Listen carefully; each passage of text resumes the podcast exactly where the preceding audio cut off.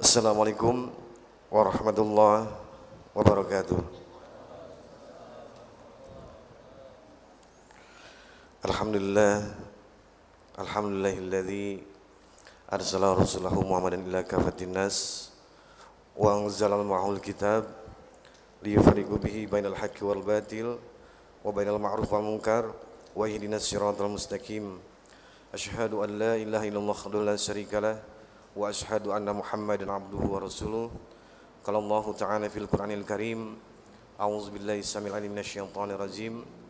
Wa min ayatina khalaqalakum min anfusikum azwaja litaskunu ilaiha wa ja'alna bainakum mawaddah wa rahmah. Inna fi dzalika laayatin liqaumin yatafakkarun. Sadaqallahul azim. Wa sadaqan Nabi sallallahu alaihi wasallam. Alhamdulillahi tatimus salihat atas izin dan rahmat Allah Subhanahu wa taala kita bisa berkumpul di sini dalam rangka watawassabil haq watawassabil sabar. Kalau bukan karena rahmatnya Allah, rasa-rasanya kita akan sulit berkumpul di sini. Namun Allah mudahkan semuanya kita untuk duduk di sini bermajelis bersama-sama. Tidak ada yang dicintai oleh Allah dan Rasulnya. Selain ketika seorang muslim datang bermuhajah bersama-sama belajar dalam memahami agama ini agar kelak selamat nanti dunia dan akhirat nanti ya. Baik, tema ini sangat menarik sekali ya. Ini rata-rata masih bujangan semua yang datang. Ya, kelihatan muka-mukanya. Karena ahwat nggak kelihatan, saya nggak tahu tuh ya. Tapi di sini muka-mukanya muka-muka pengen nikah semua nih. Ya, ah, alhamdulillah. Tapi sebelum dimulainya kajian ini saya akan coba berikan sudut pandang tentang pernikahan. Ya. Apalagi teman-teman yang sudah nikah juga sebagai reminder, pengingat kembali tentang tujuan pernikahan tersebut. Siapa pun kita pasti menginginkan pernikahan. Ya. Bahkan ada yang sudah cukup usia, tapi belum nikah-nikah. Ya. Ada apa itu?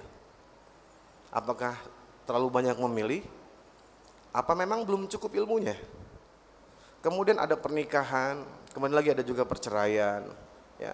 Belum hiruk pikuk rumah tangga yang banyak dengan keluh dan keluhan, ya. Zolimnya seorang suami, durhakanya seorang istri, ya. Belum campur tangan mertua dan kompleks yang lain begitu banyak sekali dalam uh, rumah tangga. Kebayang kalau antum semuanya menikah tidak memiliki dasar ilmu agama yang baik, maka yang ada akan berperan ketika memutuskan persoalan apa pun mengikuti hawa nafsunya. Atau dengan siapa? Bisikan-bisikan orang-orang di sekitar kita. Ya.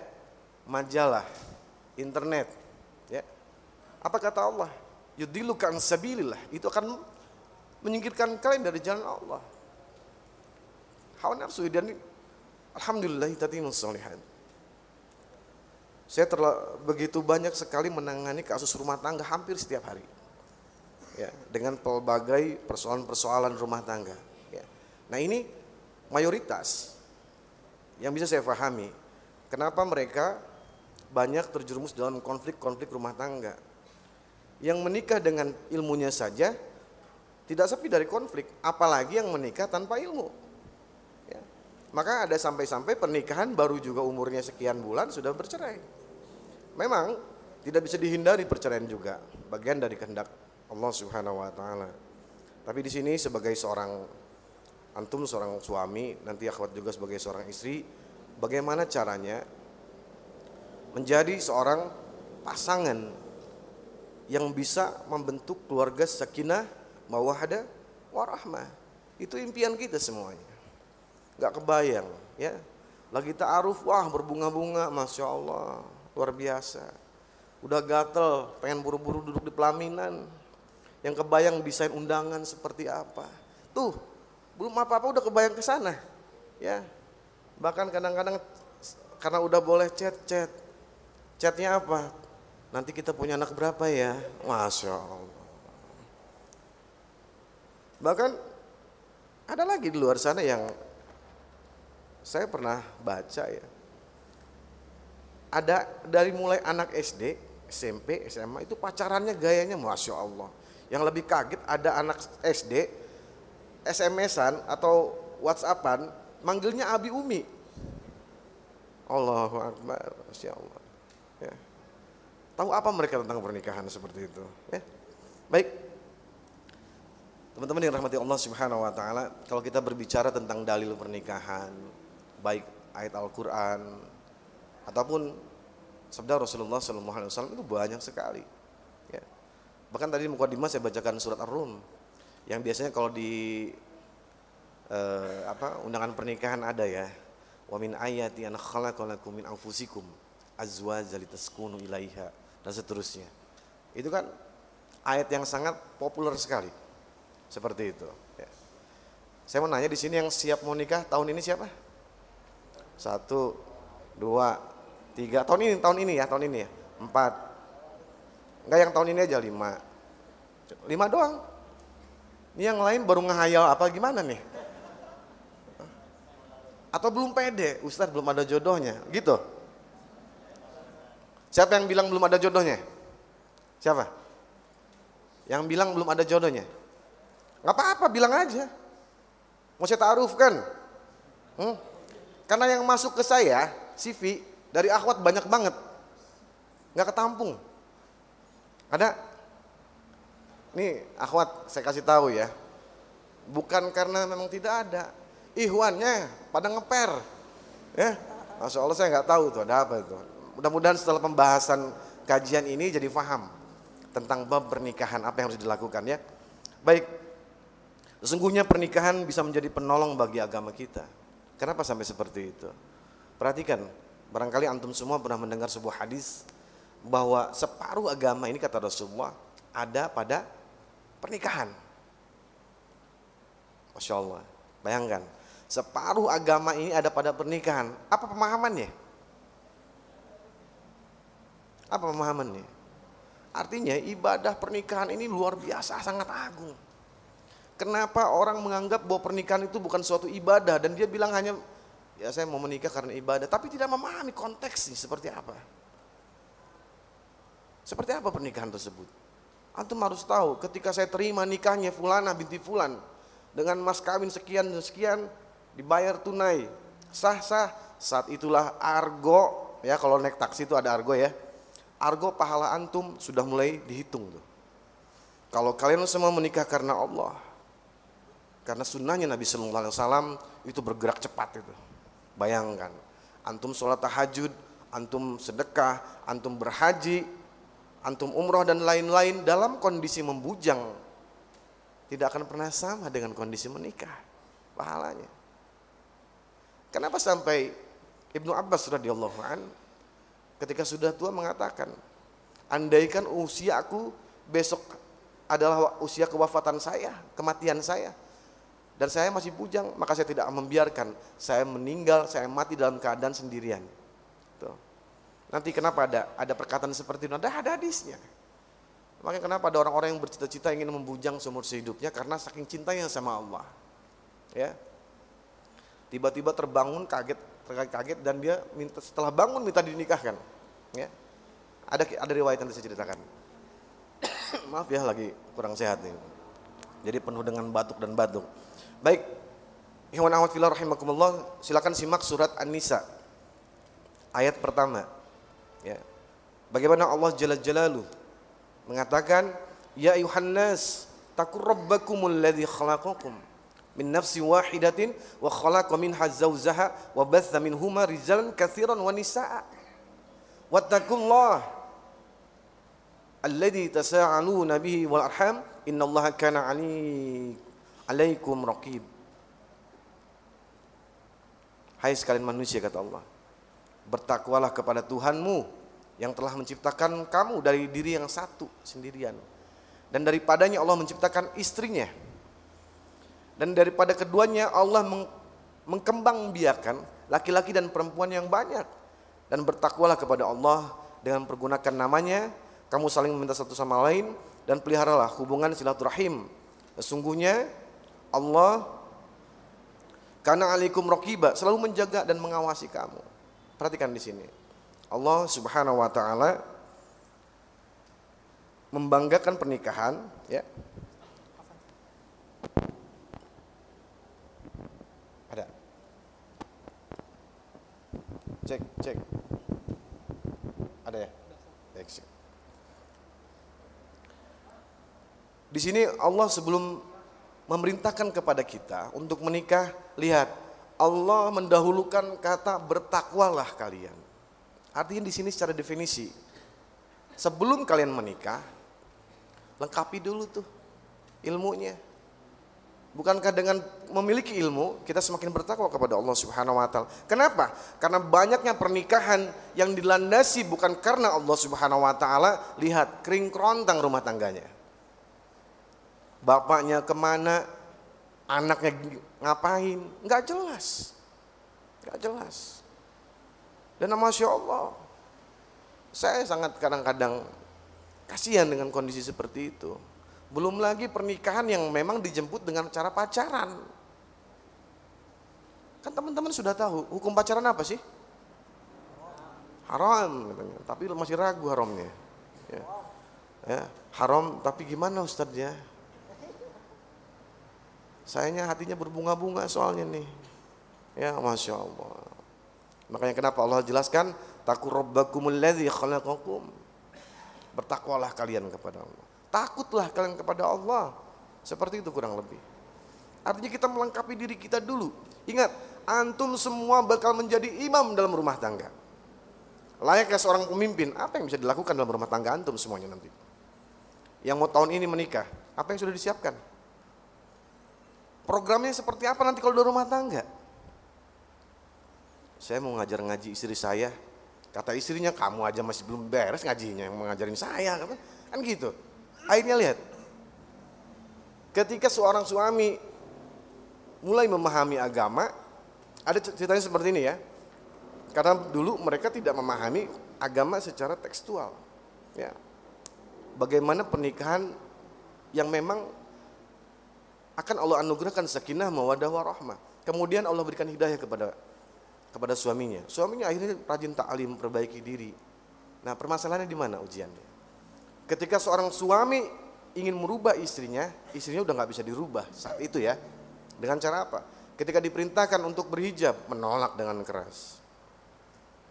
Lihat pembangkangan demi pembangkangan terjadi. Kenapa? Karena dari awalnya sudah salah. Seperti itu. Ya, makanya kenapa Rasulullah Shallallahu Alaihi Wasallam menegaskan dalam sebuah hadis untuk mencari kriteria wanita. Yang pertama itu karena apa biasanya laki-laki kalau nyari perempuan? Karena apanya? Hah? Karena kecantikannya. Oke, yang kedua, hartanya. Yang ketiga, kenapa? Nasab dia, keturunan. Yang keempat, agamanya. Maka kata Rasulullah, pilihlah karena karena itu akan menenangkan kalian. Ya, kenapa kita harus memilih pasangan yang memahami agama? Karena ketika kita pergi, nggak akan gusar tuh hati kita, nggak akan takut. Pasangan kita bakal melakukan sebuah kezaliman atau kekejian dalam rumah tangga. Wallahu a'lam bisawab. Kalau memang sudah dibekali ilmu agama akan menenangkan hati kita. Tapi kenapa dalam prinsipnya udah tahu Rasulullah memerintahkan karena agamanya, tapi antum milih karena apanya? Hah? Kecantikannya pasti. Ya enggak? Ya enggak? Jujur. Banyak saya menemukan keluhan-keluhan para suami mengatakan Ustaz, andaikan saya boleh memutar waktu, saya ingin menikah dengan seseorang yang gadis pesantren lah, yang orang nggak belum mengerti kota lah dan lain-lain. Lihat keluhan-keluhan seorang seorang suami. Artinya dia sudah frustasi dengan kondisinya. Akibat apa? Karena tidak memahami. Seperti itu, ya. Makanya di kitab ini luar biasa penjelasannya. Saya menyukai kitab ini karena detail luar biasa penjelasannya. Ya. Walaupun kitab-kitab pernikahan banyak sekali, tapi saya mereferensikan kitab ini, ya, bekal pernikahan. Kemudian lagi dalam surat An-Nur ayat 32 Allah jelaskan dan kawinkan orang-orang yang sendirian di antara kamu dan orang-orang yang layak berkawin dari hamba-hamba sayamu yang laki-laki dan hamba-hamba sayamu yang perempuan. Jika mereka miskin, Allah akan memampukan mereka dengan karunia-Nya dan Allah maha luas pemberiannya lagi maha mengetahui. Ini sekaligus sindiran kepada orang-orang yang belum mau menikah karena belum mampu katanya. Mampu dalam arti apa di sini? Nggak punya harta. Ya, perhatikan ayatnya. Ini yang yang bikin janji siapa ini? Allah kan? Makanya silakan buka surat An-Nur ayat 32 Allah jelaskan. Ya. Dan kawinkanlah orang-orang yang sendirian di antara kamu dan orang-orang yang sudah layak menikah. Ya. Layak kawin lah bahasanya seperti itu. Dari hamba-hamba sahayamu. Lihat Allah menggunakan bahasa hamba sahaya. Yang levelnya maaf ini bukan berbicara masalah strata sosial ya. Tapi Allah menggunakan bahasa di sini hamba sahaya. Artinya secara ekonomi levelnya di mana? Bawah kan? Orang yang tidak memiliki penghasilan. Pahami bahwa perbudakan di zaman jahiliyah dulu adalah mereka yang bekerja tidak mendapatkan upah. Paham nggak teman-teman bahasa Allah di sini? Allah menggunakan bahasa budak-budak kalian di sini. Hamba sahayamu. Orang yang tidak punya kekuatan untuk menikah. Karena tidak punya harta. Gitu. Dari hamba-hamba sayamu yang laki-laki dan hamba sayamu yang perempuan. Jika mereka miskin kata Allah, Allah akan memampukan mereka dengan karunia-Nya. Dan Allah maha luas pemberiannya lagi maha mengetahui. Allah pun tahu. Jadi makanya kalau antum semuanya ingin menikah, tapi karena merasa dirinya nggak mampu, untuk memiliki harta dan lain-lain ini sindiran ya antum punya Tuhan punya Allah yang maha kaya. Apakah orang tua kita yang sekarang misalkan memiliki harta apa dulu ketika nikah sudah punya harta? Tanyain. Enggak. Siapa yang ngasih? Allah. Kemudian Rasulullah SAW menjelaskan dalam sebuah hadis bahwa pernikahan itu adalah babul rizki. Pintu pembuka rizki. Jadi makanya kalau ada orang-orang yang mengatakan, e, saya belum punya pekerjaan Ustadz, memang pada zaman sekarang itu yang menjadi persoalan ya. Tapi kalau misalnya antum merasa saya bisa bekerja dan lain-lain, ya sudah bekerja. Allah punya jaminan. Allah akan mencukupkan.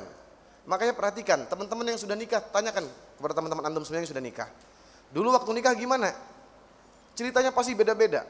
Ya, ada yang modalnya cuma ada uang 200 ribu di kantongnya. Ya, tapi ketika pernikahan mau berjalan kaget dia ngeliat angkanya. Undangan habis sekian, makan-makan sekian, ya. E, dan segala pernak-pernik kebutuhan pernikahan sampai di angka puluhan juta. Coba bayangkan 200 ribu sampai ke puluhan juta berapa tuh kurangnya? Tapi Ternyata tanyakan sama teman-teman semuanya. Mereka bisa melakukan pernikahan dan uangnya tiba-tiba ada. Ini janji Allah. Ini janji Allah. Saya menikah, jujur saja. Sama kasusnya begitu. Toh saya tidak pernah punya bayangan bahwa pernikahan saya harus dengan uh, dirayakan sedemikian rupa. Saya cuma hanya pengen ijab kabul, makan-makan seadanya, selesai sudah. Itu cita-cita saya. Tapi Allah punya rencana lain. Tiba-tiba, ini cerita pernikahan saya ya. Mudah-mudahan jadi uh, semacam kayak booster ya buat teman-teman yang lagi ragu untuk melanjutkan pernikahan. Saya hadapi mertua saya. Pak, saya punya cuman punya uang segini. Cukuplah untuk beli ayam dua. Ya. Teman-teman boleh ketawa silakan, ya nasi uduk, itu bayangan saya. Nasi uduk, ayam dan lain-lain. Mas kawin ya. Mas kawin, mas kawin pun seadanya lah gitu. Karena sebaik-baiknya wanita adalah yang paling murah maharnya, itu kan. Ya. Setelah saya edukasi calon istri saya, alhamdulillah dia mengerti. Qadarullah, adik ipar saya meninggal. Ya, yang rencananya mau di rumah mertua saya pernikahan tersebut meninggal. Saya sudah berdoa kepada Allah, ya Rob, engkau tahu hamba ingin segera melakukan pernikahan, hamba juga punya uang seperti ini, kira-kira di mana tempatnya ya? Tiba-tiba saya kepikiran rumah mertua saya, cocoklah kayaknya untuk undang beberapa teman cukup. Qadarullah, adik ipar saya meninggal karena serangan jantung. Ya. Kan nggak mungkin pernikahan barusan kemarin meninggal, diadakan pesta walaupun selamatan walaupun secara sosial nggak baik lah ya seperti itu ya nggak baik udah pusing tuh kepala saya Aduh apa diundur nih pernikahan. Akhirnya tidak ada tempat mengeluh selain kepada Allah. Ini peran antum semuanya. Seberapa dekat antum dengan Allah. Kalau dekat, setiap ada punya masalah pun langsung lapor kepada Allah. Langsung laporan kepada Allah. Saya sholat dua rakaat, minta petunjuk Allah. Apa yang terjadi? Sebuah restoran, ya, yang lumayan besar, telepon saya. Ustaz, antum mau nikah ya? Udah di tempat di tempat sini aja, nggak punya uang. Udah tenang aja nggak usah ngomongin uang.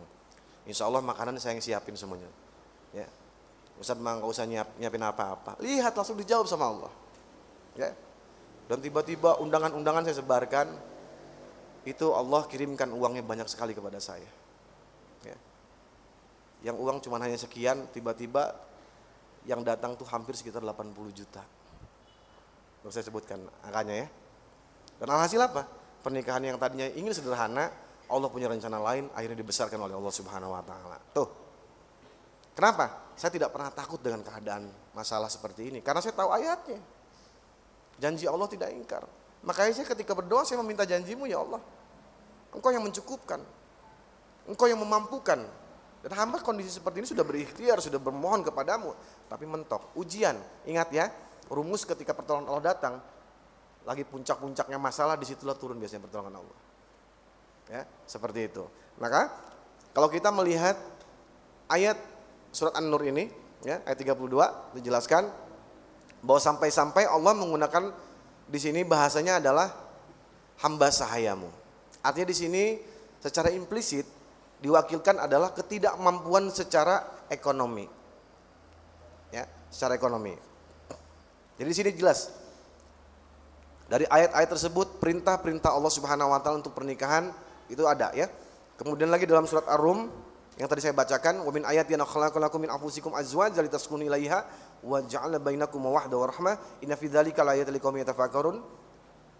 Kurang lebih artinya dan di antara tanda-tanda kekuasaannya ialah dia menciptakan untukmu istri-istri dari jenis-jenismu sendiri supaya kamu cenderung merasa tentram kepadanya dan dijadikan di antaramu rasa kasih sayang. Sesungguhnya pada yang demikian itu benar-benar terdapat tanda-tanda bagi kaum yang berpikir. Ini saya mau cerita tentang ayat ini ya. Bagaimana di sini Allah sudah menjelaskan bagian dari sunatullahnya setiap antum semuanya sudah oleh ciptakan istri-istri kalian. Ya, lihat di sini. Allah menggunakan bahasa di sini bukan tunggal, tapi jamak. Artinya antum tuh punya istri banyak sebenarnya. Ya. Makanya kan ada yang nikah cerai. Eh dia nikah lagi, jodohnya, jodohnya banyak banget. Bukan seperti itu. Allah sudah menyiapkan semuanya. Sudah menyiapkan semuanya ya. Dari jenis-jenis kalian sendiri. Dan ini pun ayat sekaligus untuk saya biasanya mendakwahi jin. Ya, mendakwahi jin yang mencintai seorang perempuan. Ada beberapa kasus sampai wanita susah nikah kan. Ketika saya rukia ternyata ada jin yang mencintainya dan tidak mau keluar si jin tersebut. Nah saya biasanya menggunakan ayat ini, saya dakwahi. Jinnya ketika Allah berikan hidayah, keluar. Kan di sini Allah jelaskan, berdasarkan dari jenismu sendiri. Ya manusia sama manusia. Tidak mungkin jin menikah dengan manusia. Lahir apa anaknya? Kan bingung, nggak ada ya? Gitu, nggak ada. Kalau di sinetron kan ada tuh ya.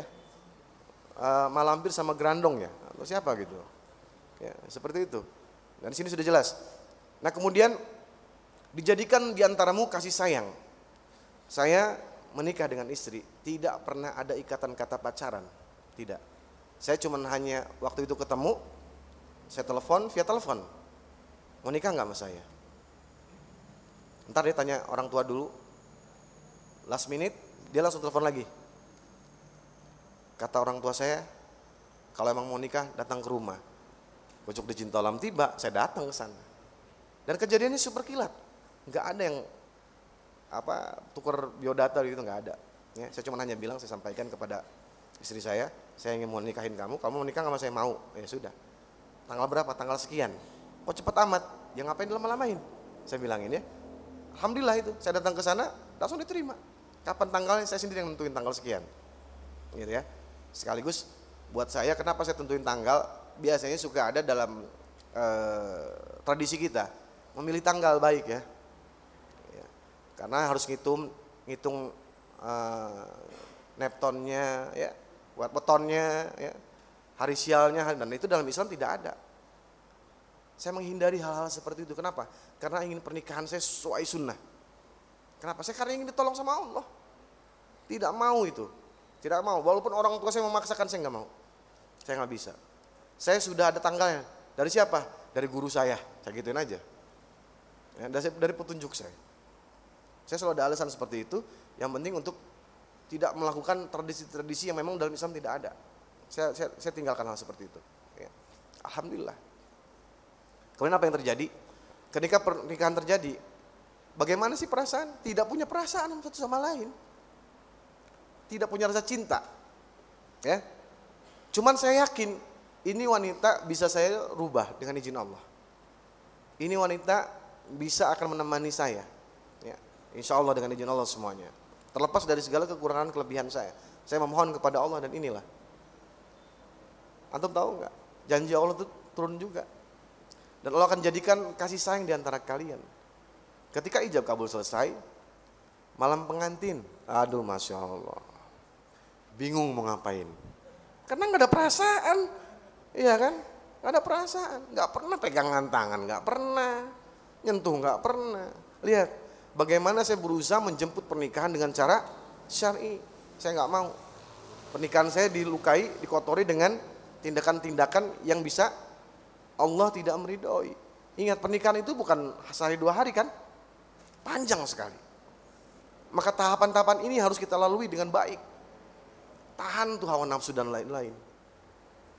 Jangan sampai udah dapat izin dari orang tuanya, akhirnya Neng ke Anyer yuk nginep aja nggak apa-apa. Kan udah diizin mau nikah ini. Aduh ya Allah.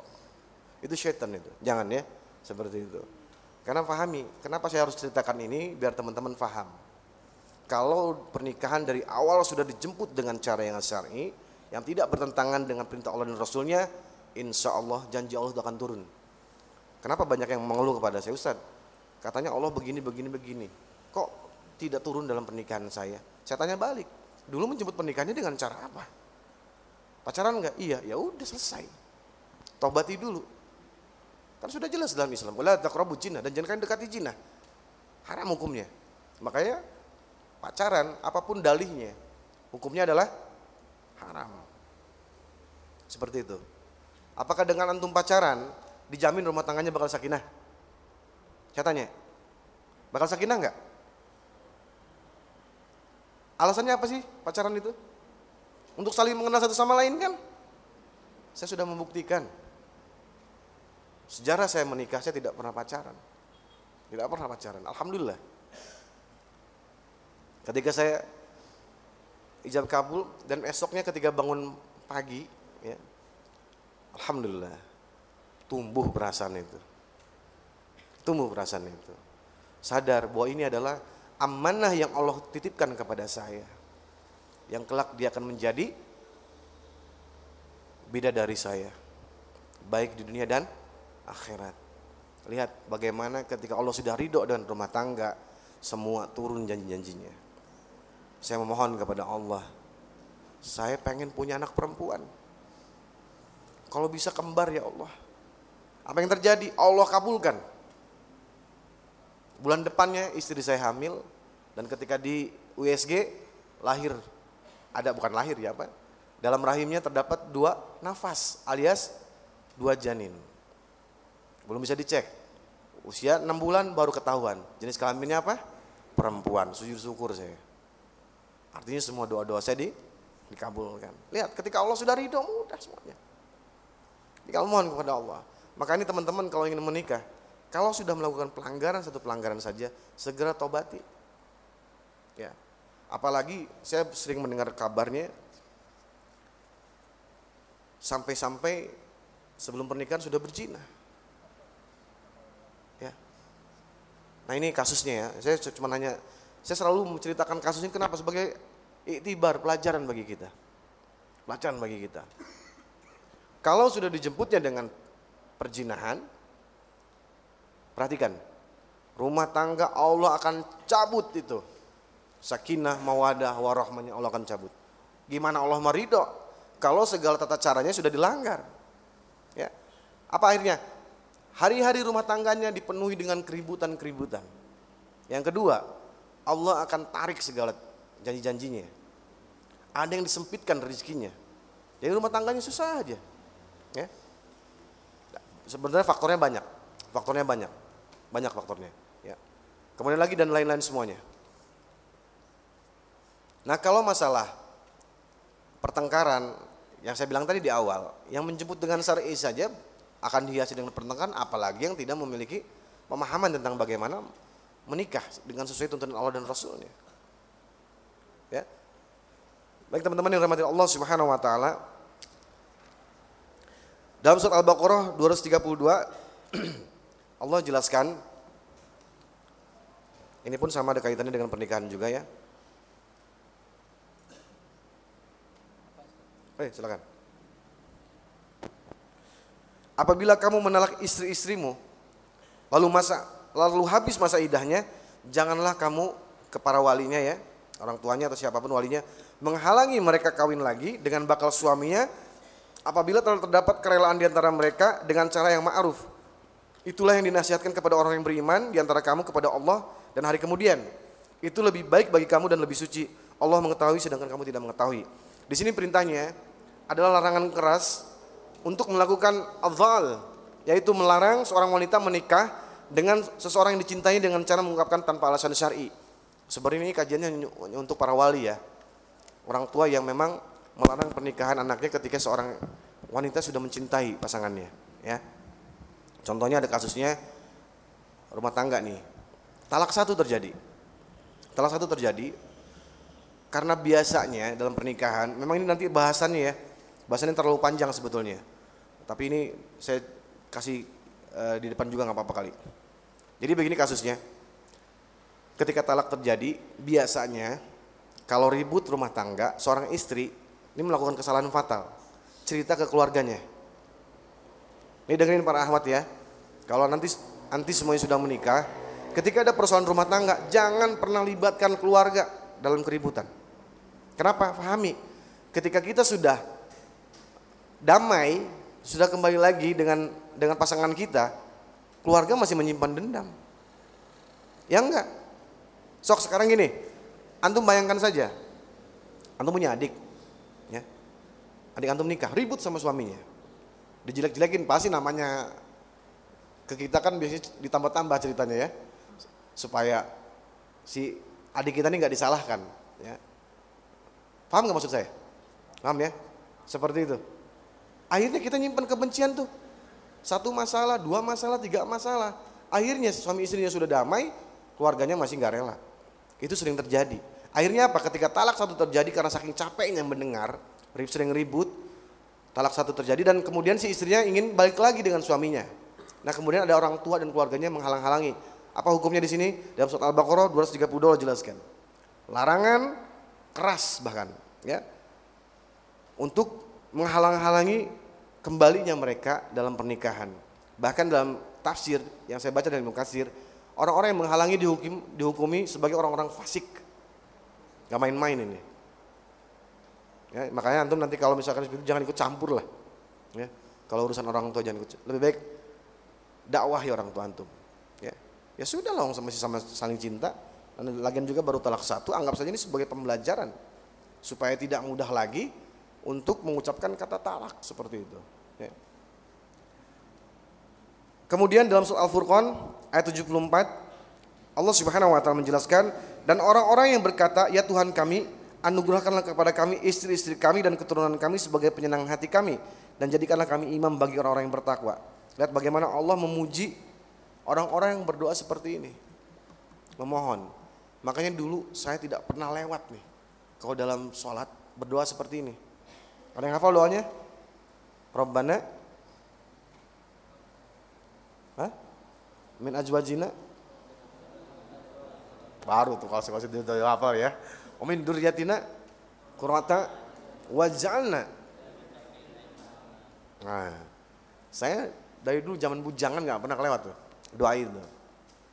Ya Allah anugerahkan kepada kami istri-istri yang baik. Kurata ayun, ya. Keturunan yang penyenang hati, kurata ayun di sini. Dan jadikanlah kami imam bagi orang yang bertakwa. Seorang lelaki soleh, ya, Suaib alaihissalam, Nabi Suaib berkata kepada Nabi Musa alaihissalam, Sungguhnya aku bermaksud menikahkan kamu dengan salah seorang di hari kedua anakku ini. Atas dasar bahwa kamu bekerja denganku 8 tahun.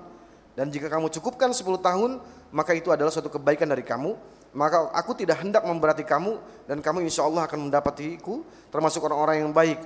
Maka Musa menjawab, itulah perjanjian antara aku dan kamu. Mana saja dari kedua waktu yang ditentukan itu itu aku akan sempurnakan.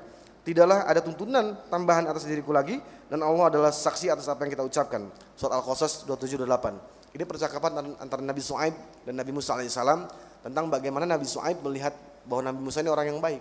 Kemudian ditawarinya untuk menikahkan salah satu di antara kedua putrinya.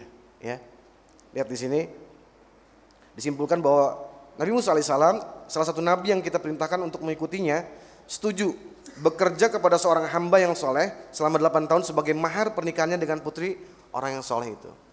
Jadi perjanjian mahar itu dalam Zaman Nabi Musa itu boleh dengan caranya kontrak kerja. Antum kerja dulu di mertua, jagain tokonya selama 8 tahun. Ya, tahun ke-9 ternyata anaknya dinikahin dulu sama orang lain. Sakit hati ya. Seperti itu.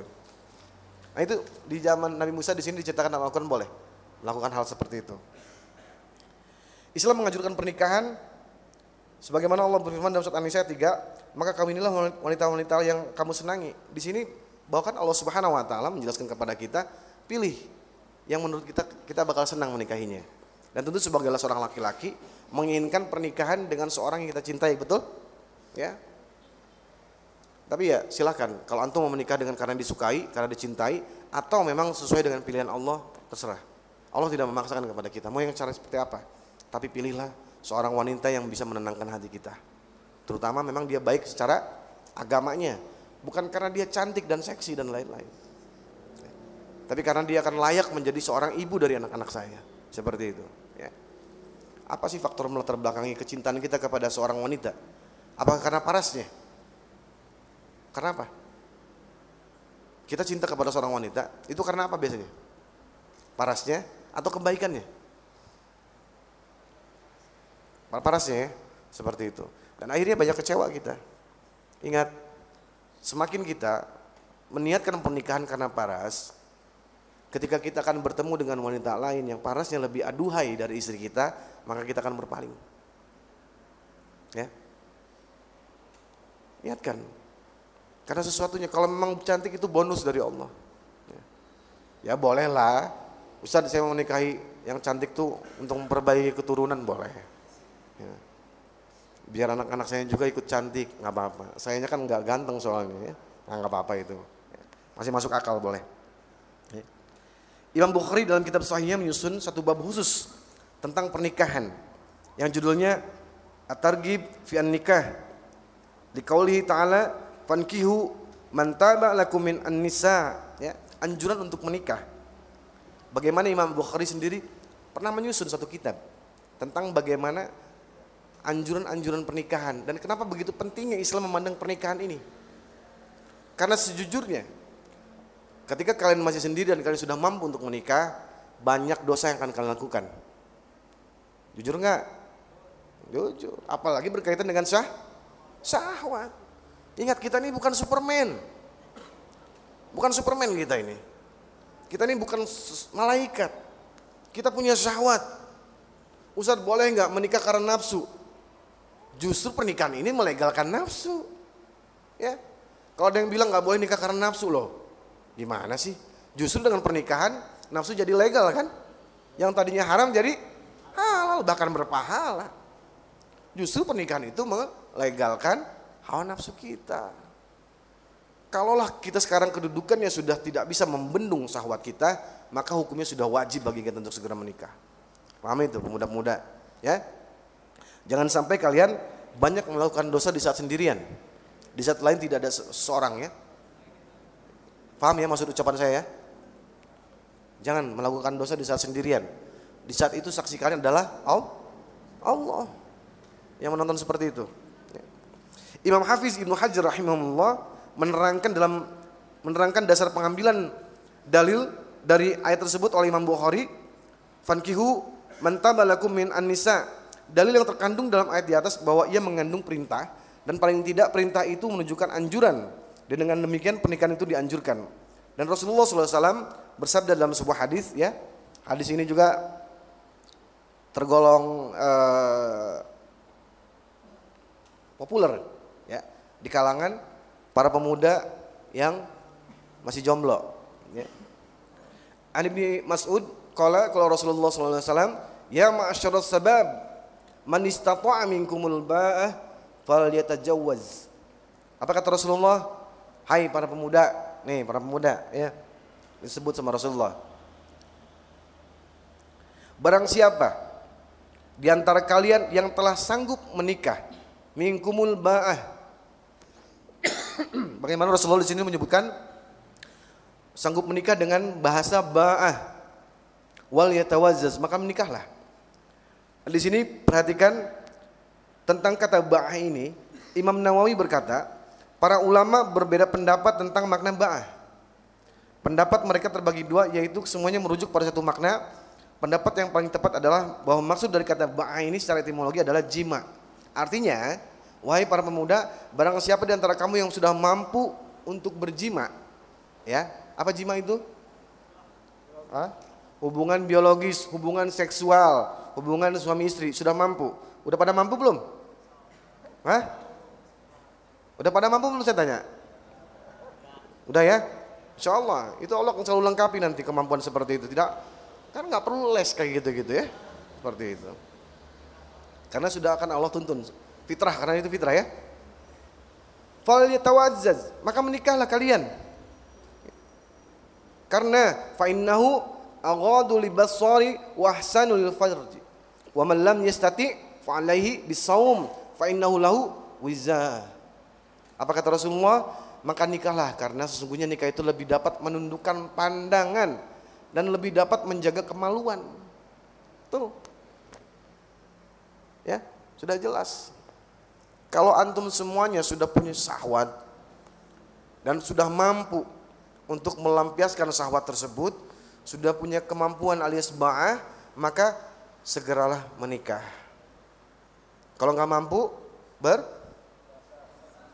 lawang puasa aja males gimana? Ya, seperti itu. Jadi sudah jelas di sini Barang siapa di sudah mampu berjima karena telah memiliki biaya pernikahan, sebaiknya ia menikah. Dan barang siapa yang tidak sanggup berjima karena tak memiliki biaya, ia lebih baik puasa untuk menjaga dan menahan syahwatnya.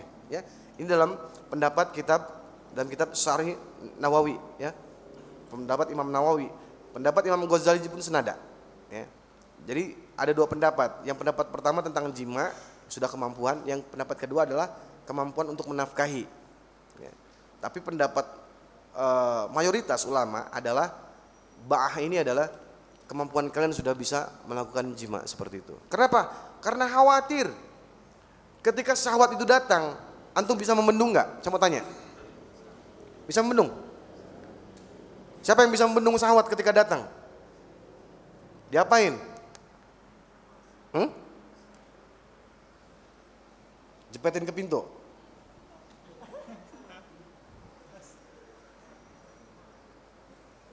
Ya makanya, kalau memang antum sudah sanggup untuk menikah, segera menikah.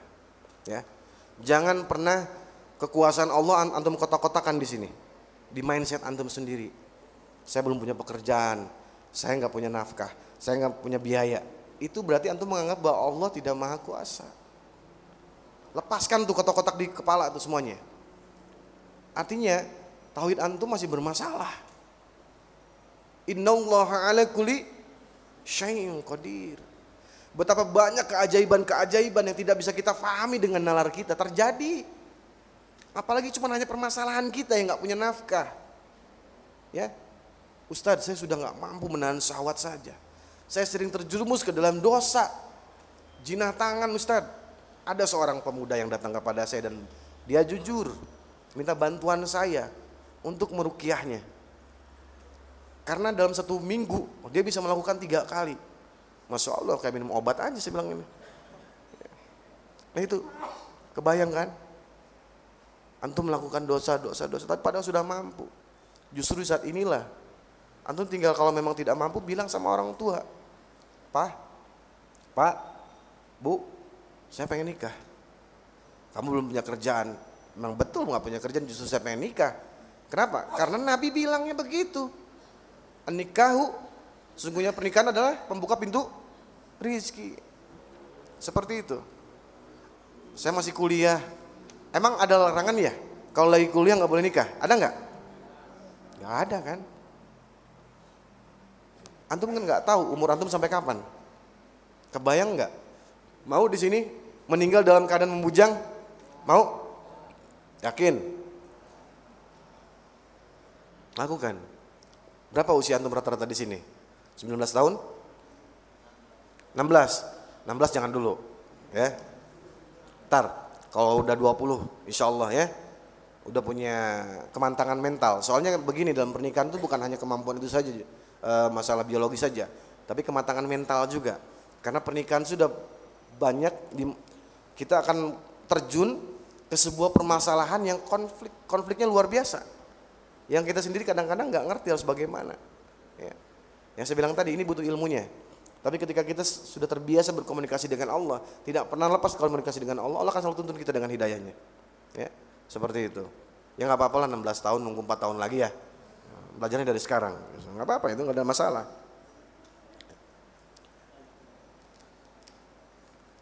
Al-Hafiz Ibnu Hajar rahimahullah menjawab tentang bagaimana perintah tersebut ya. Suruhan ini memang ditunjukkan kepada kaum muda saja Sebab biasanya pada diri mereka hasrat dan dorongan untuk menikah amat kuat. Tuh. Ya. Ibnu Hajar rahimahullah. Makanya saya selalu diisi pertanyaan-pertanyaan oleh jamaah itu tentang pernikahan semuanya. Ya. Kalau nggak seputar ta'aruf, pernikahan, kitbah. Itu. Padahal saya lagi nerangin temanya bukan masalah itu. Tapi pertanyaannya ke situ lagi, ke situ lagi. Saya nggak ngerti ya. Kenapa? Ini membuktikan kata Ibnu Hajar, bahwa kaulah muda dorongan untuk menikah itu sangatlah kuat. Beda dengan orang-orang yang sudah berumur. Mereka sudah tidak terlalu berpikir ke arah sana. Ya. Beda mungkin kecuali kalau yang memang ingin e, melakukan ta'adud ya. Mungkin karena mumpung masih muda makanya di zaman Rasulullah kalau mau ta'adud lakukan ketika masih muda. Ya, seperti itu. Kemudian lagi Al-Hafiz Ibnu, Ibnu Hajar rahimahullah melanjutkan ini berbeda dengan orang-orang tua ya. Kendati secara hasrat, tersirat, dinyatakan bahwa jika hasrat dan dorongan menikah itu juga ada pada orang-orang yang sudah berumur. Berarti ia pun masuk ke dalam perintah tersebut. Tapi mayoritas yang banyak sahwatnya terlalu kuat adalah golongan kaula muda. Maka antum semuanya kalau di usia sudah 23, 25 itu sudah harus menikah, berpikir untuk menikah. Kalau memang antum mau merencanakan e, mengumpul modal ya, ya silakan, itu lebih baik seperti itu. Menabung dulu silakan. Tapi ingat, jangan sampai punya statement begini. Udah nikah belum? Belum. Nanti saya mah kalau udah sukses baru nikah. Saya jamin gak nikah-nikah itu. Ya, gak nikah-nikah. Kenapa? Ini sering terjadi. Ketika ada seorang pemuda atau seorang pemudi datang kepada saya, Ustaz saya nggak menikah gagal terus kenapa ya? Setelah saya rukyah nggak ada gangguan jin. Ternyata ada ain. Ya, lemparan ain yang dilemparkan kepada dirinya sendiri. Dia membatasi kuasa Allah Subhanahu wa taala. Bahwa pernikahan itu adalah sunatullah, sudah ditentukan, tapi dia sudah membatasi dirinya bahwa saya memang gak mau nikah sebelum saya sukses. Saya nggak mau nikah sebelum saya menyenangkan orang tua saya. Padahal menyenangkan hati orang tua kita itu adalah seumur hidup kan? Nggak bisa. Akhirnya setelah saya ajak bertobat, Kok cuma ucapan bisa berdampak? Eh, perhatikan bagaimana Allah menjelaskan dalam surat Qaf. Tidaklah satu patah kata pun yang keluar dari lisan kalian, melainkan ada rokib dan atid yang ada di samping kalian mencatatnya semuanya. Antum, mengucapkan seperti itu naik langit tuh, dikabulkan oleh Allah. Ya, ucapan itu adalah do, doa. Ini catatan dan saya pernah menemukan kasus seperti itu. Setelah ditaubati dosanya, minta ampun kepada Allah, alhamdulillah. Allah cabut lagi itu karena pertobatan pemuda tersebut. Ya. Baik, itu perintah ayat-ayat perintah tentang menikah ya. Kemudian lagi di antara dalil ada hadis yang diriwayatkan oleh Abu Razak dari isnad sahih dari Aisyah radhiyallahu an bahwa istri Utsman bin Mahzun yang bernama Khaulah binti Hakim menjumpai Siti Aisyah dengan penampilan kusut. Ya. Aisyah pun bertanya kepadanya, "Apa yang terjadi dengan dirimu?" Ia menjawab, "Suamiku selalu sholat malam dan berpuasa." Setelah Nabi SAW datang, Aisyah memberitahu hal tersebut kepada beliau. Maka Nabi SAW lalu mendatangi Utsman bin Mahzun tersebut, ya, dan bersabda, "Utsman, kerahiban bukanlah tradisi kita. Tidaklah engkau melihat satu teladan pada diriku demi Allah," kata Rasulullah. Orang yang paling takut kepada Allah dan paling menjaga hududnya diantarakan adalah aku. Artinya, ketika seorang suami lebih disibukkan dengan ibadahnya sendiri, ya banyak berpuasa, banyak sholat malam, istrinya dicuekin aja, ini suami zalim. Walaupun alasannya untuk beribadah kepada Allah, nggak bisa. Ingat, istri juga punya hak. Nih, antum semuanya. Nanti kalau sudah menikah, Istri antum itu ladang. Ya. Ladang kalian. Padanya terdapat pahala-pahala yang luar biasa. Kalau antum diamkan, maka antum termasuk suami-suami yang zolim. Karena tidak bisa menafkahi batinnya. Seperti itu. Tanyakan kepada istri kita. Berapa lama mampunya kamu menahan keinginan kamu untuk datang kepadaku? Bahasa seperti itu ya. Paham ya? Datang kepadaku ya. Nggak perlu saya vulgarin ya. Hmm. takutnya pengennya divulgarin lagi nggak enak saya. Ya. tanyakan kepada wanita berapa lama? Apalagi pengantin baru. Aduh masya allah. Ya. Itu harus sering harus sering. Bagaimanapun Rasulullah SAW kelak akan berbangga-bangga di antara para nabi dengan banyaknya umatnya. Maka sunatullahnya adalah kita banyak anak. Jangan sampai kita punya pendapat bahwa sudah cukuplah dua anak saja. Soalnya dua aja udah gak kebiayain. Aduh ini tauhidnya harus dibenerin lagi. Emangnya yang ngasih rezeki siapa? Pekerjaan kita, gaji kita? Bukan. Allah semuanya. Makanya kenapa rezeki kita terbatas? Karena mindset kita juga terbatas. Ya, ingat ya, hubungannya semuanya ada di dalam hati dan pikiran kita semuanya. Apa kata Rasulullah? Allah mau berdasarkan prasangka hambanya. Kalau kita nyangkanya begitu kepada Allah, jadi sudah. Maka perbaiki juga. Ya, tauhid kita sebelum pernikahan agar ketika kita dalam kondisi apa pun kita faham dan connect langsung terus kepada Allah Subhanahu wa taala, ya. Dalil lainnya adalah hadis yang diriwayatkan oleh Muslim dari Abu Zar. Nabi sallallahu alaihi wasallam bersabda yang kurang lebih bunyinya ini bahasanya vulgar ya. Saya akan ya dari sananya begini ya. Dan pada kemaluan di sini maksudnya istrinya ya, terdapat sedekah. Para sahabat bertanya, Rasulullah, apakah setiap orang yang menyalurkan syahwatnya akan mendapatkan pahala? Maka Rasulullah menjawab, tidakkah kalian lihat bahwa jika orang itu melampiaskannya dengan cara yang haram, ia akan mendapatkan dosa. Demikian pula halnya, jika ia menyalurkan dengan cara yang halal, ia pun akan menerima pahala. Tuh, lihat. Masya Allah, lagi bujangan kebayangnya begitu kan? Ya, udah nikah males. Nah ini harus dirukiah orang kayak gitu ya. Udah gangguan jin tuh namanya kayak gitu. Ya. Kemudian lagi Rasulullah bersabda, jika seorang manusia meninggal, seluruh pahala amalnya terputus kecuali dari tiga hal. Pertama, sedekah jariah. Yang kedua, ilmu yang bermanfaat dan anak soleh yang selalu mendoakannya. Lihat, apa kita nggak pengen punya anak? Ketika kita meninggal ada yang mendoakannya, maka dengan punya anak tersebut dengan cara apa? Enggak ada lagi jalannya itu pernikahan. Apa bisa pengen punya anak di download? Nggak bisa kan? Harus dengan nikah. Makanya nggak ada lagi. Ini perintah-perintah dalil-dalilnya. Bahwa pernikahan itu hukumnya sudah jelas. Sunnah Nabi Shallallahu Alaihi Wasallam. Ya. Seperti kita ketahui, Nabi Shallallahu Alaihi Wasallam memiliki sembilan orang istri ya. Bila malam tiba, beliau berkeliling mendatangi masing-masing dari mereka. Seperti diriwayatkan oleh Bukhari dari Anas radhiyallahu an. Di samping itu banyak perkataan sahabat yang berisi anjuran untuk menikah. Dalam kitab Sahih Bukhari tertera riwayat dari jalur Said ibnu Jubair yang berkata, Abbas bertanya kepadaku, apakah engkau menikah? Aku menjawab tidak. Maka Abbas berkata lagi, menikahlah. Sebab sebaik-baik orang dari umat ini adalah orang yang paling banyak istrinya. Jadi ternyata sebaik-baiknya umat Islam adalah yang paling banyak.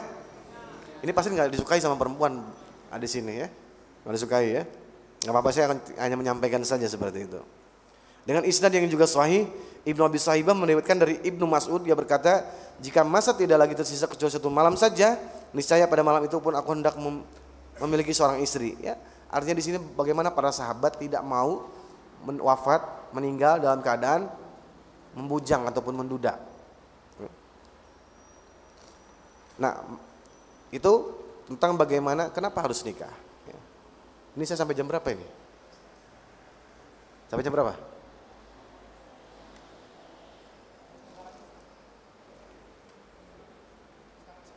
Setengah sepuluh ya, oke. Sekarang makna nikah. Nikah dalam syariat Islam adalah akad pernikahan.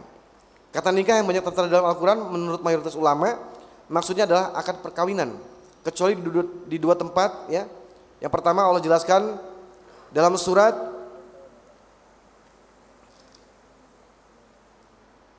yang kurang lebih bunyi seperti ini. Wabtalu yatama hatta idza balagun nikah. Maksud dari kata nikah dalam ayatnya adalah al-hulum, umur dewasa untuk umur kawin. Jadi artinya dan ujilah anak yatim itu sampai mereka cukup umur untuk menikah. Ya. Kata nikah dalam ayat ini menurut sebagian ulama artinya uh, sampai memang anak yatim tersebut siap untuk menikah bukan berarti akad nikah, tapi semua perintah nikah dalam ayat Al-Quran artinya akad nikah kecuali ayat yang tadi seperti itu. Ya.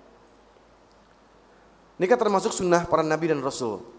Karena Islam menganjurkan pernikahan dan menyatakan bahwa nikah termasuk sunnah dan jejak para rasul. Termasuk penutup para nabi yaitu Nabi Muhammad SAW. Dalam surat Ar-Ra'd Allah jelaskan ayat 38 dan sesungguhnya kami telah mengutus beberapa rasul sebelum kamu dan kami memberikan kepada mereka istri-istri dan keturunan. Nah, Imam Al-Qurtubi rahimahullah menafsirkan ayat ini menunjukkan anjuran kuat untuk menikah sekaligus larangan untuk beribadah terus-menerus sampai tidak mau nikah. Ini ada salah satu uh, aliran ya. Allah alam akhirnya apa? Yang memang sampai mengkebiri dengan dalih supaya bisa menahan syahwatnya. Apa iya? Kalau seseorang sudah dikebiri, nafsunya hilang? Hilang nggak? Enggak, nafsu itu ada di sini. Tetap nafsu bakal ada. Ya, makanya nggak bisa. Nafsu tidak bisa dibunuh. Orang-orang yang mengkebiri dirinya sendiri dengan dalih ingin membunuh nafsu nggak bisa. Nafsu nggak bisa dibunuh, tapi bisa di manage. Dengan cara apa? Kalau antum memang belum siap untuk menikah, maka perbanyak menundukkan pandangan. Menundukkan pandangan dan para akhwat kalau yang memiliki Allah anugerahkan wajah yang cantik, tutupi wajah anti semuanya. Karena semua laki-laki akan tergoda bermula dari pandangan pertama itu. Apa ngeliat apa? Wajah dan tubuhnya, maka tutuplah rapat-rapat aurat kalian. Makanya perintah dari Allah Subhanahu wa taala longgarkan baju-baju kalian. Jangan yang ketat. Pakai kerudung tapi ininya pakai stocking segala macam. Kan aneh. Ya. Seperti itu. Justru ini bakal memancing, mancing syahwat yang luar biasa ya. Jadi tolong kepada para akhwat juga ya jangan sampai membuat para laki juga akhirnya ikhwan yang tadinya kuat menahan syahwatnya jadi berantakan seperti itu. Ya. Maka di sini manfaat nikah sudah teman-teman uh, pahami ya. Selain tadi bisa menyalurkan syahwat kita ya. Yang pertama adalah melestarikan spesies manusia. Kebayang kalau di dunia ini tidak ada pernikahan, maka tidak ada perkembang biakan. Karena perkembang biakan tadi hanya terjadi dengan pernikahan. Ya. Makanya dalam surat An-Nahl ayat 72 Allah jelaskan, Allah menjadikan bagi kamu istri-istri dari jenis kamu sendiri dan menjadikan bagimu dari istri-istri kamu itu anak-anak, cucu-cucu dan memberimu rizki dari yang baik, maka mengapakah mereka beriman kepada yang batil dan mengingkar nikmat Allah? Ya. Jadi manfaat pernikahan yang pertama adalah melestarikan spesies spesies manusia. Ya. Itu yang pertama, karena itu sunatullah. Yang kedua, menjaga garis keturunan. Antum pengen punya keturunan enggak? Pengen nggak? Kebayang kan? Kalau mau pulang, ayo mau pulang. Kalau mau pergi dari rumah, ada yang nangis di rumah. Siapa itu? Anak, pengen ikut. Pulang ada yang teriakin, ya kan? Abi pulang, kan gitu ya. Coba Masya Allah, lagi capek-capek badan kita ya. Sumpek dan lain-lain lelah ya. Setelah seharian bekerja, pulang ke rumah. Anak baru mandi itu kan. Dicium, aduh wanginya Masya Allah. Nenangin hati itu. Allahu Akbar. Jadi pengen cepetan punya anak tadi. Aduh Masya Allah ya. Itu kenikmatan. Kita punya keturunan dan kita lihat wajah anak kita. Ya Allah, ganteng mirip bapaknya ya. Kan gitu ya. Alhamdulillah Masya Allah. Kita akan melihat darah daging kita pada diri anak kita semuanya. Yang nangisnya, ya, ompolnya dan lain-lain. Kita akan mengalami sesi-sesi seperti itu. Kebayang kalau antum belum pernah merasakan seperti itu. Kayaknya dunia ini apa ya hampa hampa tidak ada tangis ya. bau coba sih kebayang bayi baru mandi wanginya seperti apa harum menyegarkan Masya Allah ya, harum menyegarkan luar biasa itu salah satunya jadi menjaga garis keturunan ya kemudian melindungi masyarakat dari dekadensi moral Pernikahan dapat menyelamatkan komunitas sosial dari terdegradasinya moral dan kemerosotan akhlak. Dengan begitu setiap individu akan merasa aman dan tenang dari kerusakan yang terjadi di tengah masyarakat. Kebayang kalau banyak orang memutuskan tidak menikah.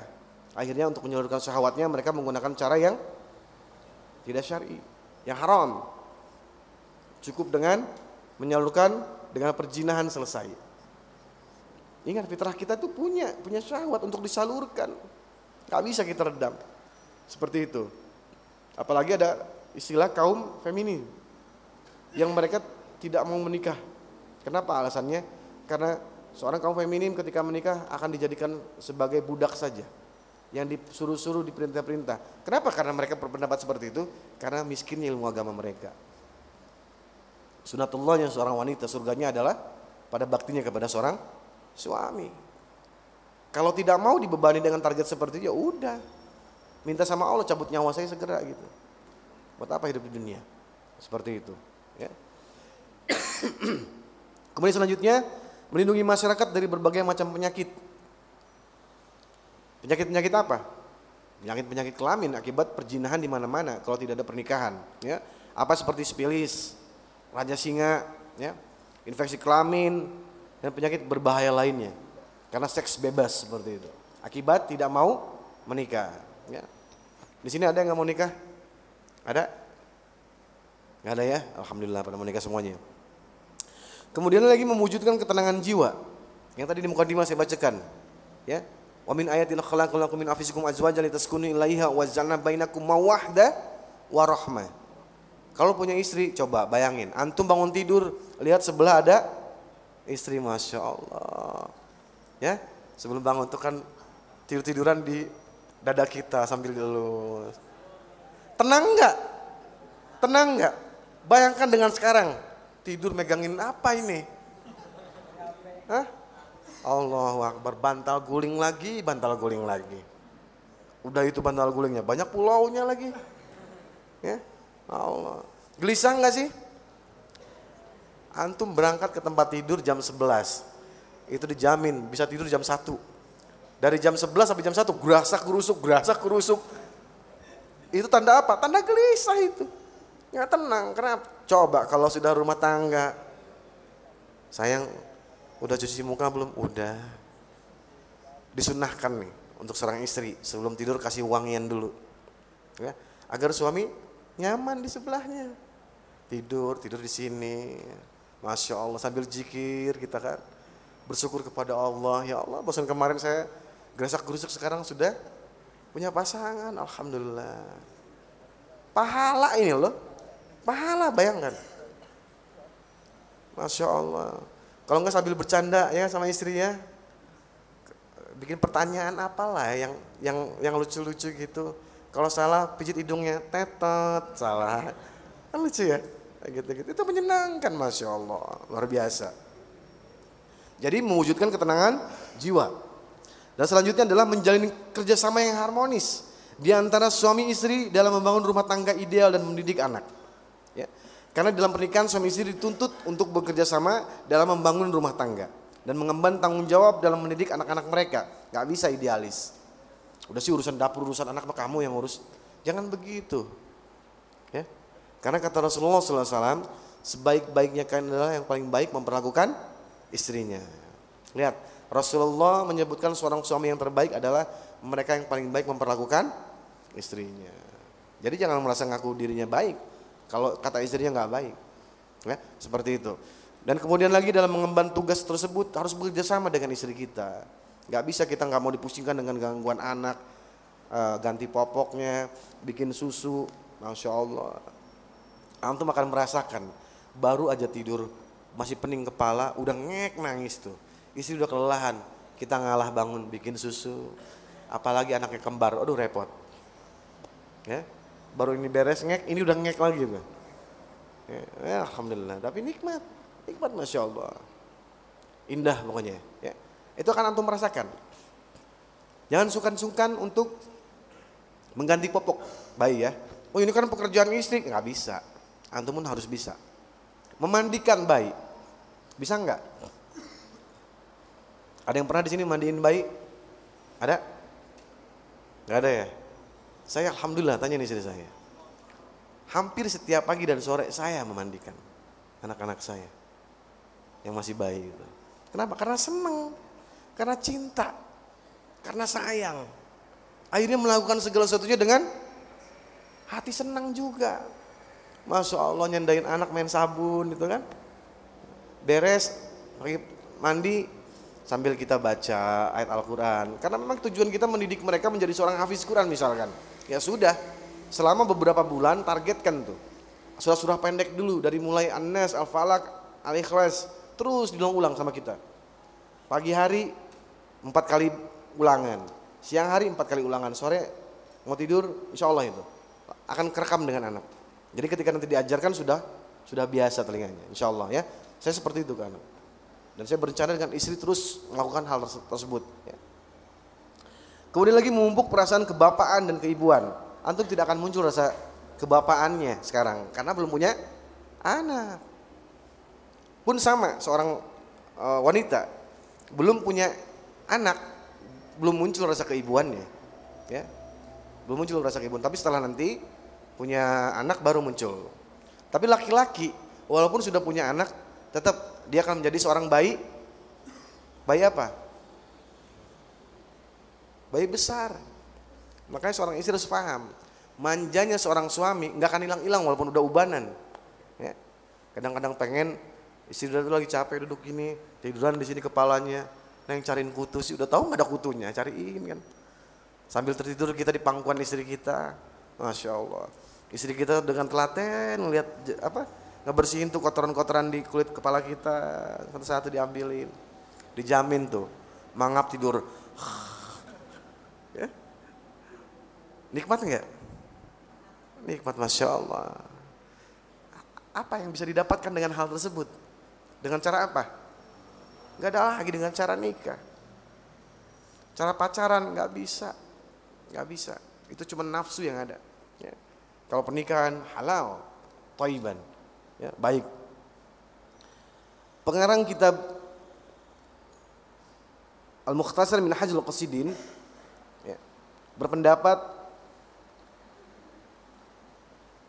perasaan kebapaan dan keibuan akan tumbuh subur dalam diri suami istri dari hati mereka akan terpancar perasaan-perasaan yang mulia ya. Nikah memiliki lima manfaat. Memiliki anak menyalurkan syahwat mengatur rumah tangga memperbanyak keluarga dan memujahadah untuk melakukan semuanya. Bagaimana pendapat tersebut eh, dilakukan oleh pengarang kitab bin Hajjul Al-Qasidin ya.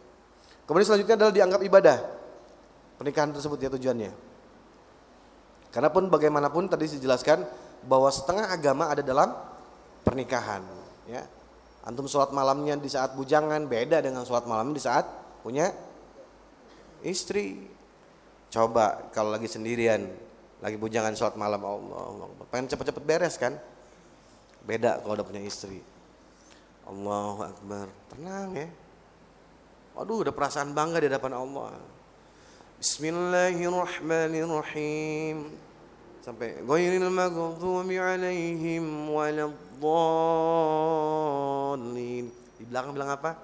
Amin. Masya Allah. Luar biasa. Ada yang aminin. Ya. Coba sekarang. Ya. Sholat sendirian. Ada yang batuk. langsung. Ya kan? Padahal bapaknya yang batuk gitu. Mau sholat malam gak jadi. Ya Allah. Gak ada ketenangan, susah jiwanya. Luar biasa. Beres berdua, sholat, ngedoa sama Allah. Minta keberkahan rumah tangga, ya Allah. Turunkan kepada rumah tangga kami keberkahan, ya Allah. Demi keberkahan. Berikan kepada kami anak-anak yang soleh dan solehah, ya Rabb. Berkahi rumah tangga ini, ya Allah.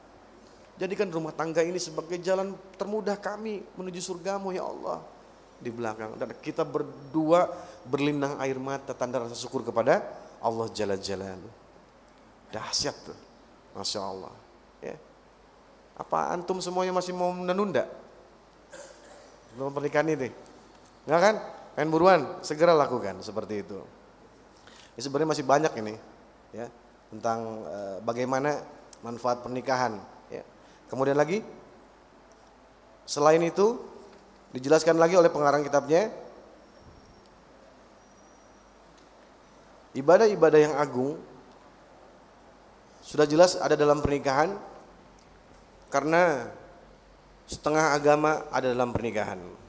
Sudah jelas ya. Maka kalau antum menikah, kenapa nikah alasannya? Yang gak enak udah dijodohin sama orang tua. Ya hambar banget tuh. Ini kan semuanya karena Allah. Ketika saya menikah, maka pahala saya akan berlipat-lipat. Kenapa? Tadi saya jelaskan tadi. Ketika ijab kabul selesai, malaikat sudah sibuk mencatat semuanya. Karena kita berniat semuanya adalah ibadah. Saya mendidik istri saya karena Allah Subhanahu wa taala. Allah sudah amanahkan kepada saya seorang wanita untuk dididik. Makanya perhatikan bagaimana kalimat Allah Subhanahu wa taala dalam surat Tahrim. Ada yang tahu? Ya ayyuhalladzina amanu ku anfusakum wa ahlikumun nar. Wahai orang beriman, ku anfusakum, jaga diri kalian. Wahlikum dan keluarga kalian dari api neraka. Wakuduhan nas wal hijarah. Yang bahan bakarnya manusia dan batuan. Bayangkan. Neraka itu bahan bakarnya dari kita loh. Kita ini dibakar jadi bahan bakar sama bebatuan. Jadi visi misi rumah tangga juga harus paham. Yaitu menyelamatkan kita dan keluarga kecil kita dari api neraka. Terapkan bagaimana rumah tangga yang sakinah mawadah warohmah. Dimulai dari bangun tidur sampai ke tidur lagi. Programnya antum seperti apa? Pelajari dari sekarang. Tadi sudah saya jelaskan bagaimana alasan-alasan pernikahan. Ya, kenapa harus menikah? Perintah-perintah dan dalil-dalil ini sudah saya jelaskan. Tinggal bagaimana sekarang program untuk selanjutnya. Ketika saya menikah, udah nggak bingung lagi. Waduh ngapain ya? Udah nggak ada seperti itu. Mulai buat aturan. Ingat, kita imam yang punya aturan maka buatlah aturan sesuai Allah perintah Allah dan Rasulnya. Misalkan kalau memang antum ingin mentarbiah istri antum dengan kemampuan antum buat perjanjian dengan istri. Sayangku, cintaku, bidadariku, setiap ba'da maghrib atau ba'da sholat subuh kita ngaji berdua ya. Aku akan bacakan ayatnya, kamu yang terjemahannya ya. Biar kita sama-sama belajar. Ya, malamnya kita belajar dulu ayat tersebut, pahami agar bisa menjelaskan. Kalau nggak ngerti tanya sama ustadznya atau cari referensinya kitab-kitabnya. Karena ini sekaligus menggugurkan kewajiban kita untuk mengajarkan istri kita. Jangan sampai istri udah nikah, terus begitu aja. Di mana tarbiyah nanti? Di mana tanggung jawabnya? Tanggung jawab itu bukan cuma hanya nafkah. Apakah Allah memerintahkan kepada kita, wahai suami-suami Perbanyaklah nafkah-nafkah kalian untuk istri-istri kalian. Gak ada kan? Allah cuma hanya perintahkan kepada kalian, jaga diri kalian dari api neraka. Tuh. Karena urusan harta sudah jelas, rezeki. Allah jelaskan, wa min dabatin fil ardi illallah ala rizquha. Tidak ada satupun makhluk yang bergerak di muka bumi ini melainkan aku sudah jamin jatah rizkinya. Tuh, teman-teman. Jadi tidak ada lagi alasan bagi kita untuk menunda-nunda pernikahan. Kalau memang sudah ba'ah ya, sudah sudah mampu. Ya. Nikah adalah sumber kekayaan dan rizki. Allah menjadikan nikah sebagai sumber rizki agar manusia tidak menyangka bahwa pernikahan akan menjadi beban. Ya. Yang tak sanggup akan dipikul oleh dirinya. Yang tadi saya bacakan dalam surat An-Nur ayat 32 bagaimana Allah menjelaskan jika mereka miskin Allah akan memampukan mereka dengan karunia-Nya dan Allah Maha luas pemberiannya. Ibnu Abbas radhiyallahu anhu berkata, Allah menganjurkan dan memerintahkan orang-orang merdeka dan hamba sahaya untuk menikah dan menjanjikan mereka kekayaan dan rezeki. Abu Bakar radhiyallahu anhu berkata, taatilah perintah Allah untuk menikah. Niscaya dia akan memenuhi janjinya berupa kekayaan. Berapa banyak hadis-hadis Nabi yang menjelaskan bahwa ada hubungannya pernikahan dengan harta kekayaan. Sampai-sampai ada seorang laki-laki yang datang kepada Rasulullah SAW mengadukan, ya Rasulullah, sesungguhnya aku adalah seorang yang miskin. Rasulullah bertanya, apa kamu sudah menikah? Sudah ya Rasulullah. Menikah lagi kata Rasulullah. Kemudian si laki-laki tersebut menikah lagi. Gak lama datang lagi kepada Rasulullah mengadukan, ya Rasulullah, aku sudah menikah lagi, tapi aku masih miskin. Maka kata Rasulullah, nikah lagi. Dia nikah untuk yang ketiga kalinya. Dan apa ternyata? Datang lagi kepada Rasulullah mengadukan masih mis miskin. Kata Rasulullah, nikah lagi yang keempat. Alhamdulillah, nikah lagi yang keempat. Apa yang terjadi? Laki-laki itu bilang, ya Rasulullah, sekarang aku sudah menjadi orang kaya. Lihat, di situ sudah dijelaskan bahwa ternyata pernikahan adalah sumber terbukanya rezeki kita. Jadi jangan sampai Anda ketakutan untuk menikah karena memang tidak akan punya rezeki. Kalau tidak punya rezeki, barangkali ada beberapa yang antum langgar semuanya. Ya, Sampai sehingga janji Allah tadi dalam surat An-Nur ayat 32 tidak turun. Allah bilang mampukan, Allah bilang cukupkan. Kenapa saya tidak dicukupkan?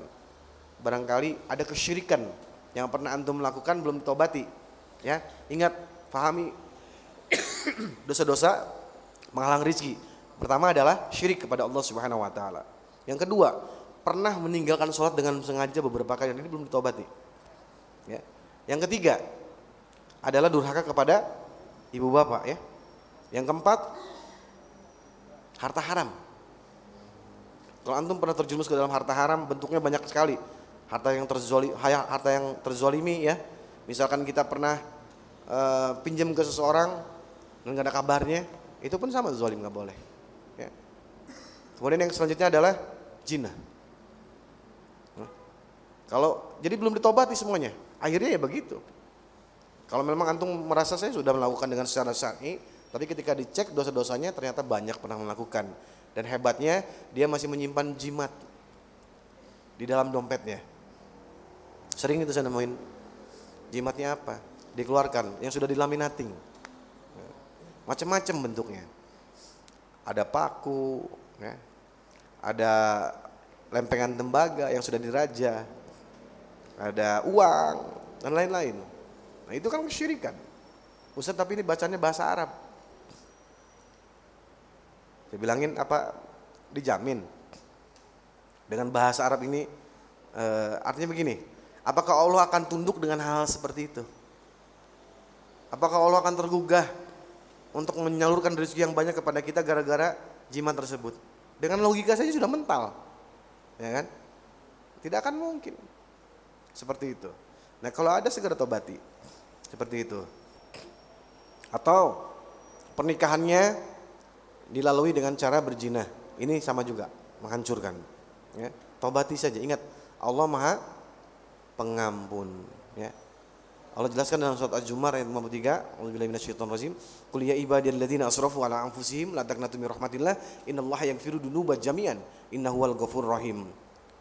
Wahai Muhammad kabarkan kepada hamba-hambaku yang sudah melampaui batas dalam perbuatan maksiatnya, yang sudah keterlaluan kezalimannya kepadaku dan makhlukku. Kabarkan kepadanya, jangan pernah berputus asa memohon rahmat ampunanku, karena sungguhnya aku adalah Allah Tuhannya yang maha pengampun, maha penyayang. Bagaimana keajaiban tersebut? Rasulullah sabdakan, Allah maha pemberi rezeki kata Rasulullah. Dalam sebuah hadis diceritakan, kalau ada rezeki kalian yang terhalangi, mawazan bu, itu karena dosa kalian. Taubati saja dan kalian akan temukan rezeki kalian akan deras kembali. Artinya segala penghalang rezeki kita adalah do, dosa. Dosa ternyata. Rezeki itu banyak. Ketentraman dalam rumah tangga tidak ada, ya. sering ribut, itu karena ada dosa. Ya. Apalagi rizkinya. Tidak memiliki keturunan, itu pasti karena dosa. Ya. Tobati saja. Bagaimana efek dari tobat tersebut, Masya Allah. Atau antum semuanya, sudah berapa kali ingin menikah gagal terus, itu bisa jadi do, dosa. Coba diingat-ingat lagi, kalau lupa minta sama Allah tunjukkan dosanya apa. Khawatir, karena kenapa? Karena kita ini pendosa hebat. Saking banyaknya dosa, sampai lupa dosa yang mana ya? Gitu. Kita nggak pernah tahu dosa yang mana yang akhirnya menghalangi pernikahan itu terjadi. Khawatir kita pernah menghardik seseorang walaupun dalam hati, ya. Khawatir kita pernah mengucapkan kata-kata yang tidak pantas, Allah catat, ya. Atau kita pernah punya yang pernah tadi saya jelaskan, saya nanti aja nikahnya kalau sudah sukses, atau biasanya kalau sudah punya mobil mewah, rumah mewah. Akhirnya rumahnya ngontrak terus gak jadi-jadi nikah dia. Ya. Seperti itu tobati ya. Sama itu juga bagian dari do, dosa. Walaupun tidak besar tapi tetap dosa seperti itu. Tobati semuanya. Ya. Apa pun yang menghalangi kalian dari janji-janji Allah sekali lagi itu adalah dosa ya. Karena sudah setengah sepuluh ya. Ini pun sebenarnya belum habis ini. Belum habis. Jadi kayaknya dua dua sesi nih untuk perintah nikah saja. Ya, karena pembahasannya detail sekali, biar teman-teman paham. Ini baru mukodimanya saya buka. Ya, kalau dari mulai cara memilih pasangan, uh, ijab kabul seperti apa, ini Allah lengkap semuanya. Ya, saya jelaskan nanti. Jadi Allah nanti saya di sini selama setiap malam Rabu, ya, ya malam Kamis ya, tiap malam Kamis untuk membahas masalah tentang pernikahan, termasuk pernikahan dini. Ya. Nah, insya Allah nanti dibahas. Dengan berbagai pengalaman-pengalaman saya menterapi tentang masalah rumah tangga ini pun akan saya jadikan sebagai hujan nanti buat teman-teman ketika punya permasalahan apa pun insya Allah akan saya bantu ya. Langsung saya tutup aja. Nah, demikian kajian dari saya. Mudah-mudahan ada manfaatnya dari buat teman-teman semuanya. Kalau ada benarnya sudah pasti dari Allah Jalla Jalla kalau salahnya kekurangannya sudah lain tidak lain milik seorang ada nafakir Allah miskin kurang amal ini barakallahu fik ajmain saya tutup kajian ini dengan baca karatul majelis. Subhanakallahumma wa bihamdika asyhadu an la ilaha illa anta astaghfiruka wa atubu ilaik. Assalamualaikum warahmatullahi wabarakatuh.